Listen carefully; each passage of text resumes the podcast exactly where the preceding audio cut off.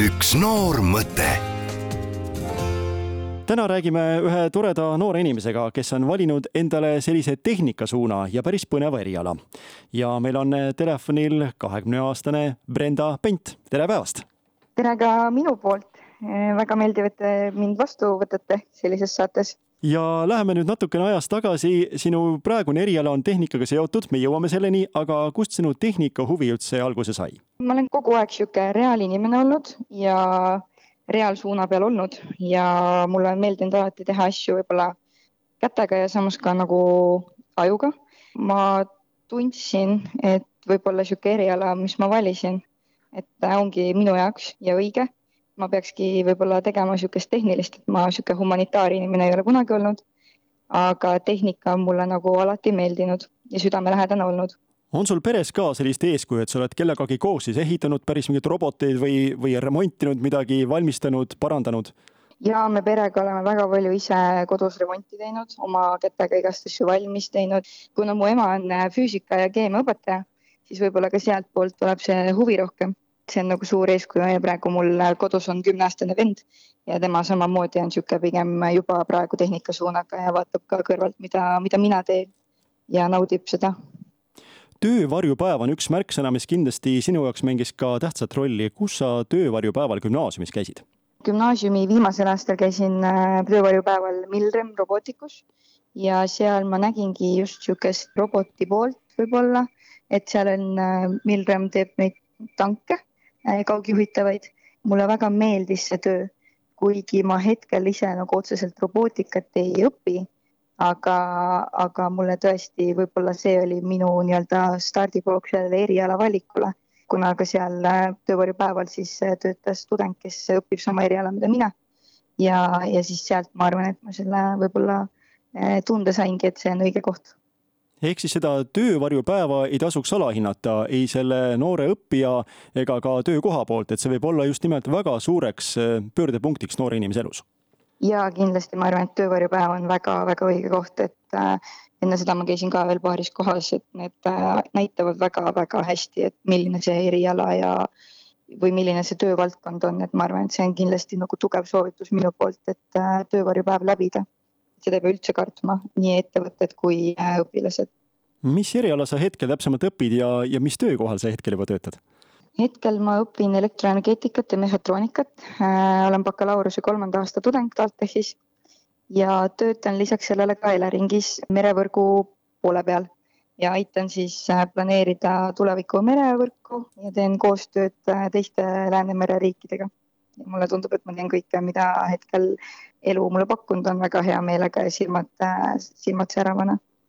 no kuidas võtta lihtsalt paari lausega kokku merevõrkude planeerimine ja selgitada inimesele, kes sellest mitte kunagi mitte midagi kuulnud pole?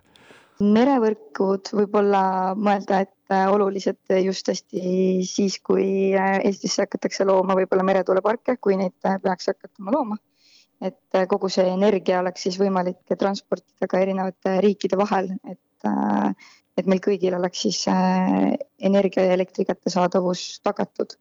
ja selleks, et neid tulevikus siis äh, sellist võimalust oleks, on vaja need ka ette planeerida ja kõik läbi arvutada, läbi mängida, võib-olla erinevad aspektid äh, läbi kaaluda päris mitmed aastad on räägitud sellest, et noored võiks õppida rohkem tehnika erialasid, meil on vaja insenere, on vaja inimesi, kes oskavad midagi projekteerida, samas ka kokku panna. aga kuidas sulle, Brenda, tundub, kas, kas see on nii lihtne, et lihtsalt noor läheb õppima või peab tegelikult olema ikkagi teatud eeldusi ka, mõnele lihtsalt sobib reaalharu paremini, mõnele sobib jällegi humanitaar rohkem? Ma arvan, et äh, kui inimene väga tahab, siis, äh, siis ta saab alati kõigega hakkama. kindlasti on võib-olla neid, keda, kellele tõesti meeldibki humanitaarpool rohkem, aga ma ütlen, et seda tehnilist poolt ei tasu karta. ei ole üldse nii raske ja igal pool on äh, su ümber toetavad inimesed, kes sind samamoodi aitavad ja ka õppejõud. ei ole üldse nii hull, ei ole raske, ei pea kartma, naistena ka ei pea kartma tehnika valdkonda. et võib-olla küll tundub, et niisugune rohkem meeste, meeste eriala aga tegelikult ei ole nii, et ma ei pea praegu ka hetkel tegema vägagi mingit rasket ega mehistööd, et mul on just niisugune mõtlev töö ja suhtlemistöö. ma arvan, et tehnilist tööd ei pea üldse kartma ja sellega saab igaüks tegelikult hakkama, kui ta väga tahab juba sel nädalal, täpsemalt reedel ja laupäeval tuleb Unipet Arenal noortele mõeldud suursündmus Positron ja sina oled Positroni noortesuuna üks juhte. mis asi see Positron nüüd siis täpsemalt on? Positron on elektrienergeetika valdkonna suursündmus, mis toimubki siis Unipet Arenal kahekümne teisel ja kahekümne kolmandal äh, septembril. Ja seal me siis üritamegi koostöös erialaettevõtetega äh, tuua noortele lähemale just seda energeetika eriala.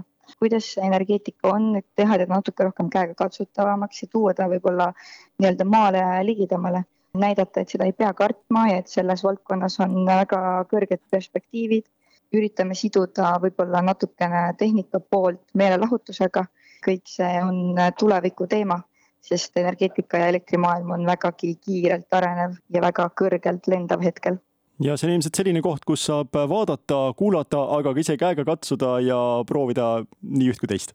täpselt nii, näiteks äh, on võimalus ronida neljameetrise tellingutest torni otsa, et siis äh, katsetada võib-olla, kuidas posti otsa ronimine on elektrikutel osaleda erinevates töötubades, mida on äh, välja pannud erinevad ettevõtted, saab kuulata seminare, konverentse ja lisaks siis reedel lõpetab meie õhtu Liis Lemsalu ja laupäeval Villem Trillem ja kogu see üritus on tasuta ja ootame kõiki sinna nii peredega kui kooliga kui üksikult siis noori, et võib-olla näha, mis see energeetika ja elektrivaldkond on ja mis, mis see peidab endas, et võib-olla jõuaks ka nendele, kes ei ole seda kunagi selle peale mõelnud.